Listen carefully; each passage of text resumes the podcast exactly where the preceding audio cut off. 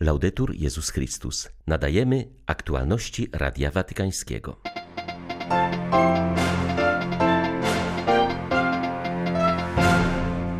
Człowiek i środowisko powinny znaleźć się w centrum nowego modelu wzrostu gospodarczego.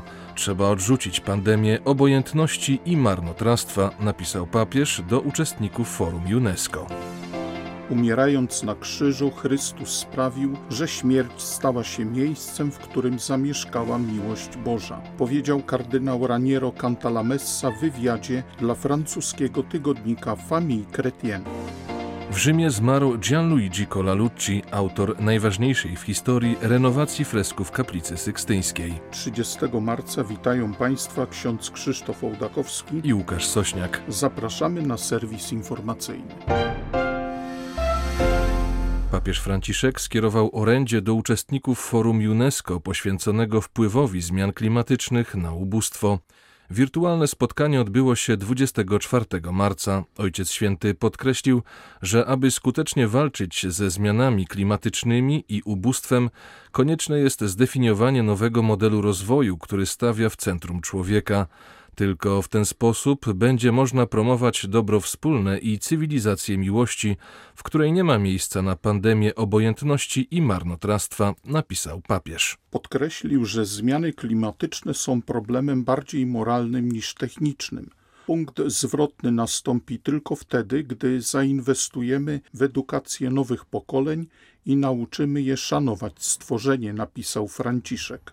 Słowa Ojca Świętego odczytał ksiądz Francesco Follo, stały obserwator Stolicy Apostolskiej przy tej organizacji. Szczególnie ważne jest, aby młodzi ludzie byli edukowani w zakresie ochrony i szacunku do innych, aby zaangażowali się w promocję nowych nawyków w zakresie produkcji i konsumpcji w celu stworzenia nowego modelu wzrostu gospodarczego, w którym środowisko i ludzie znajdują się w centrum. Jeśli chcemy skutecznie walczyć ze zmianami klimatycznymi, musimy działać wspólnie, uwzględniając potrzebę gruntownej rewizji obecnego modelu rozwoju w celu skorygowania jego anomalii i zakłóceń. Zapewnienie konkretnych odpowiedzi na poważne zjawisko globalnego ocieplenia powinno być naszym imperatywem moralnym. Zaniechanie działań będzie miało skutki wtórne, zwłaszcza wśród najuboższych warstw społecznych, które są również najbardziej narażone na te zmiany. Życie ducha Bóg przemawia do serca człowieka. Pod takim tytułem 6 kwietnia ukaże się książka zawierająca refleksje papieża Franciszka dotyczące życia duchowego. Za przygotowanie publikacji odpowiedzialne jest wydawnictwo Edycja Świętego Pawła. Refleksję zebrał ksiądz Franco Nardin, a przedmowę do książki napisał kardynał Angelo de Donatis. Publikacja zawiera słowa papieża wybrane z jego publicznych wypowiedzi i dokumentów. Papieskie nauczanie koncentruje się coraz bardziej wokół myśli teologicznej i antropologicznej, którą sam Ojciec Święty nazywa duchowością serca. Integruje ona wielkie tradycje Kościoła, łącznie z ignacjańską, powiedział ksiądz Nardin, który swoją pracę doktorską poświęcił właśnie duchowości serca. Książka nie jest jedynie zbiorem refleksji, ale czymś na kształt podręcznika teologiczno-duchowego, którego celem jest doprowadzenie nas do żywej relacji z Ojcem przez Jezusa w Duchu Świętym. Może mieć ona znaczny wpływ na uzdrowienie nas z zatwardziałości ducha, napisał w przedmowie kardynał de Donatis. Wielki Piątek to zaproszenie, by nadać sens i wnieść nadzieję do naszego doświadczenia krzyża, również tego, którego doznaje dzisiaj świat w postaci pandemii koronawirusa, mówi kardynał Raniero Cantalamessa. To on jako kaznodzieja domu papieskiego co roku głosi homilię podczas wielkopiątkowej liturgii w Watykanie. W wywiadzie o znaczeniu krzyża przypomina, że liturgia męki pańskiej w formie, jaką znamy dzisiaj, ukształtowała się stosunkowo późno, w IV wieku, a obecna w niej adoracja krzyża została zapożyczona z Jerozolimy, gdzie w Wielki Piątek chrześcijanie adorowali na Kalwarii relikwie Krzyża Świętego. Papieski kaznodzieja zauważa, że pierwsi chrześcijanie nie obnosili się z krzyżem, by nie budzić w innych grozy. W starożytnym świecie ukrzyżowanie uchodziło bowiem za najokrutniejszą karę przeznaczoną dla niewolników. Cyceron mówi, że w obecności obywateli rzymskich nie godzi się o niej nawet wspominać. A tymczasem już święty Paweł wyznaje, że dla niego ten właśnie krzyż jest powodem do chluby. Kościół od samego początku jest świadomy, że śmierć Jezusa na krzyżu to nie epizod, lecz wydarzenie, które zmieniło całą historię ludzkości. Papieski kaznodzieja przypomina też o naszych codziennych krzyżach. Wyrzekam się siebie, aby oprzeć swe życie na Chrystusie i iść z Nim nie tylko na Kalwarię, ale dalej do zmartwychwstania. Nasze zbawienie nie jest w naszym krzyżu, lecz krzyżu Chrystusa, przypomina kardynał Cantalamessa. Ostrzega też, że ten, kto chce Chrystusa bez krzyża, i tak będzie miał krzyż, bo cierpienie nikogo nie omija, ale bez Chrystusa. Wielki Piątek tymczasem nadaje naszemu krzyżowi sens i nadzieję, dodaje włoski kapucyn. Od początku trwania pandemii papież powtarza, że płyniemy w tej samej łodzi. To oznacza między innymi, że wszyscy mają prawo do szczepionki przeciw COVID-19. W Watykanie oprócz osób starszych Najbardziej narażeni na zarażenie koronawirusem są przebywający wokół bezdomni oraz ci, którzy mieszkają wspólnie, przykład w noclegowni. Dlatego w Wielkim Tygodniu Ojciec Święty postanowił zatroszczyć się szczególnie o nich. Jałmużnik papieski kardynał Konrad Krajewski w wypowiedzi dla Radia Watykańskiego podkreślił, że jest to forma celebrowania samego Chrystusa, który powiedział: Byłem w więzieniu, byłem nagi, byłem obolały i chory. A więc ta szczepionka jest dawana samemu Jezusowi, obecnemu w ubogich. Właśnie na tym polega obmywanie stóp w Wielki Czwartek, zauważa kardynał. Ta pandemia wcale nas nie znieczula, wręcz przeciwnie, mamy bardzo dużo fantazji w miłosierdziu. To znaczy, jak pomagać drugiemu człowiekowi, skoro my już na przykład zostaliśmy zaszczepieni, to możemy w takim razie pomagać innym. I stąd ta właśnie propozycja także na stronie naszego biura elemozinieria.va. Wystarczy tam wejść i zobaczymy, że jest tam takie hasło szczepionka dla ubogich. Po włosku to bardzo fajnie brzmi, bo vaccino sospeso. Skąd się to wzięło? Wzięło to się stąd, że ja dość często jeżdżę do Neapolu, żeby przywozić leki tutaj do Rzymu lub też odwiedzać tamte noclegownie. I tam jest cafe sospeso, to znaczy ten, kto idzie kupić kawę do baru, to płaci za następną kawę, bo gdy przyjdzie biedny, żeby mógł wypić nie płacąc.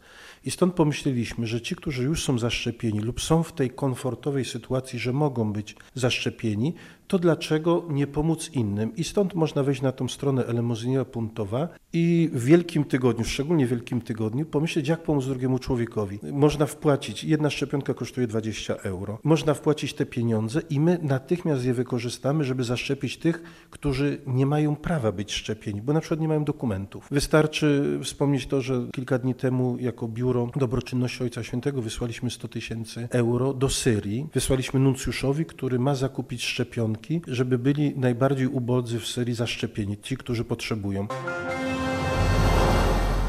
Watykan opublikował wskazówki duszpasterskie w sprawie przesiedleńców klimatycznych. Dokument został przygotowany przez Dykasterię do spraw integralnego rozwoju człowieka. Zawiera on fakty, interpretacje i propozycje dotyczące przesiedleńców klimatycznych, które mogą służyć pomocą poszczególnym episkopatom, lokalnym kościołom, zgromadzeniom zakonnym i organizacjom katolickim w stawianiu czoła temu zjawisku. We wstępie do dokumentu papież Franciszek parafrazuje słynne słowa Hamleta: być albo nie być, przekształcając je w widzieć lub nie widzieć, oto jest problem. Zauważa, że właśnie od naszego widzenia lub niedostrzegania zaczyna się reakcja na kryzys klimatyczny i jego konsekwencje w dziedzinie migracji. W dokumencie przypomniano, że ta rzeczywistość dotyczy milionów ludzi, szczególnie na egzystencjalnych peryferiach świata. Wskazano, że kryzys klimatyczny ma konkretne ludzkie oblicze, stąd matczyna troska Kościoła o osoby, które w jego wyniku najbardziej cierpią. Wypracowane wskazówki zakorzenione są w nauce Kościoła oraz jego praktycznym doświadczeniu niesienia pomocy. Dokument jest owocem uważnego słuchania kościołów lokalnych oraz wielu zgromadzeń zakonnych i organizacji katolickich, które na pierwszej linii stawiają czoło temu wyzwaniu. Papież Franciszek podkreśla, że zaprezentowany dziś dokument jasno pokazuje, co jest potrzebne i co także jako wspólnota Kościoła należy dziś zrobić, by realnie pomóc przesiedleńcom klimatycznym. W wieku 92 lat zmarł w Rzymie Gianluigi Colalucci, autor najważniejszej renowacji fresków w kaplicy sykstyńskiej. Na kilka dni przed śmiercią po raz ostatni odwiedził Muzea Watykańskie, którym poświęcił całe swoje zawodowe życie. Był nie tylko wspaniałym człowiekiem, ale jednym z największych restauratorów minionego wieku, podkreśla dyrektor papieskiej galerii. Barbara Jatta przypomina, że Lucci poświęcił pracy przy dziele Michała Anioła aż 15 lat. Ta restauracja miała głęboki wpływ na miłośników i historyków sztuki, ponieważ kolory i detale, które przez stulecia zostały zakryte osadem ze świec i patyną czasu, stały się znowu widoczne. Jest dziedzicem wielkiej tradycji watykańskiej i włoskiej szkoły restauracji, ochrony i renowacji dzieł sztuki. Za jego czasów, na początku lat 80., pracownia restauracji Muzeum Watykańskiego wróciła do swych czasów świetności sprzed pół wieku. Jego odejście to smutny dzień dla pracowników Watykanu i dla świata renowacji zabytków. Zostawia nam przesłanie ogromnego profesjonalizmu i zaangażowania w to, co się robi. Zaledwie 10 dni temu zwiedzałam z nim po raz ostatni Muzea Watykańskie i prosiłam o rady dotyczące prowadzonych prac renowacyjnych, między innymi w salonie Konstantyna. Odszedł naprawdę wielki człowiek, który na długo pozostanie punktem odniesienia dla wszystkich, którzy zajmują się renowacją i ochroną dzieł sztuki. Stan cudownego obrazu Matki Bożej Jasnogórskiej nie budzi zastrzeżeń jest stabilny, a specjalne zabezpieczenia bardzo dobrze zdają egzamin, ocenił konserwator po dorocznych oględzinach ikony dokonywanych tradycyjnie w Wielkim Tygodniu. Milenijną sukienkę zdobiącą wizerunek zastąpiła sukienka brylantowa. Nałożono też nowe korony – dar papieża świętego Piusa X. Profesor Krzysztof Chmielewski z warszawskiej ASP podkreślił, że specjalna kaseta, w której znajduje się cudowny obraz, dobrze go chroni, a Paulini wykazują najwyższą troskę o ten jeden z najcenniejszych, nie tylko pod względem religijnym, narodowy skarb. Stan jest bardzo dobry. To jest kolejny rok od momentu, kiedy została zainstalowana aparatura monitorująca i utrzymująca stałą wilgotność przy samym obrazie i to zapewnia stabilność warstw malarskich. Konserwator podkreśla, że utrzymanie stabilnego stanu wiekowego już i bardzo osłabionego, na przykład w wyniku ukrywania podczas okupacji obrazu, jest priorytetem wszelkich działań, także tych związanych z oświetleniem kaplicy. Znajdująca się teraz na obrazie suknia brylantowa pochodzi z XVII wieku. Ostatnio też została poddana konserwacji i zinwentaryzowana.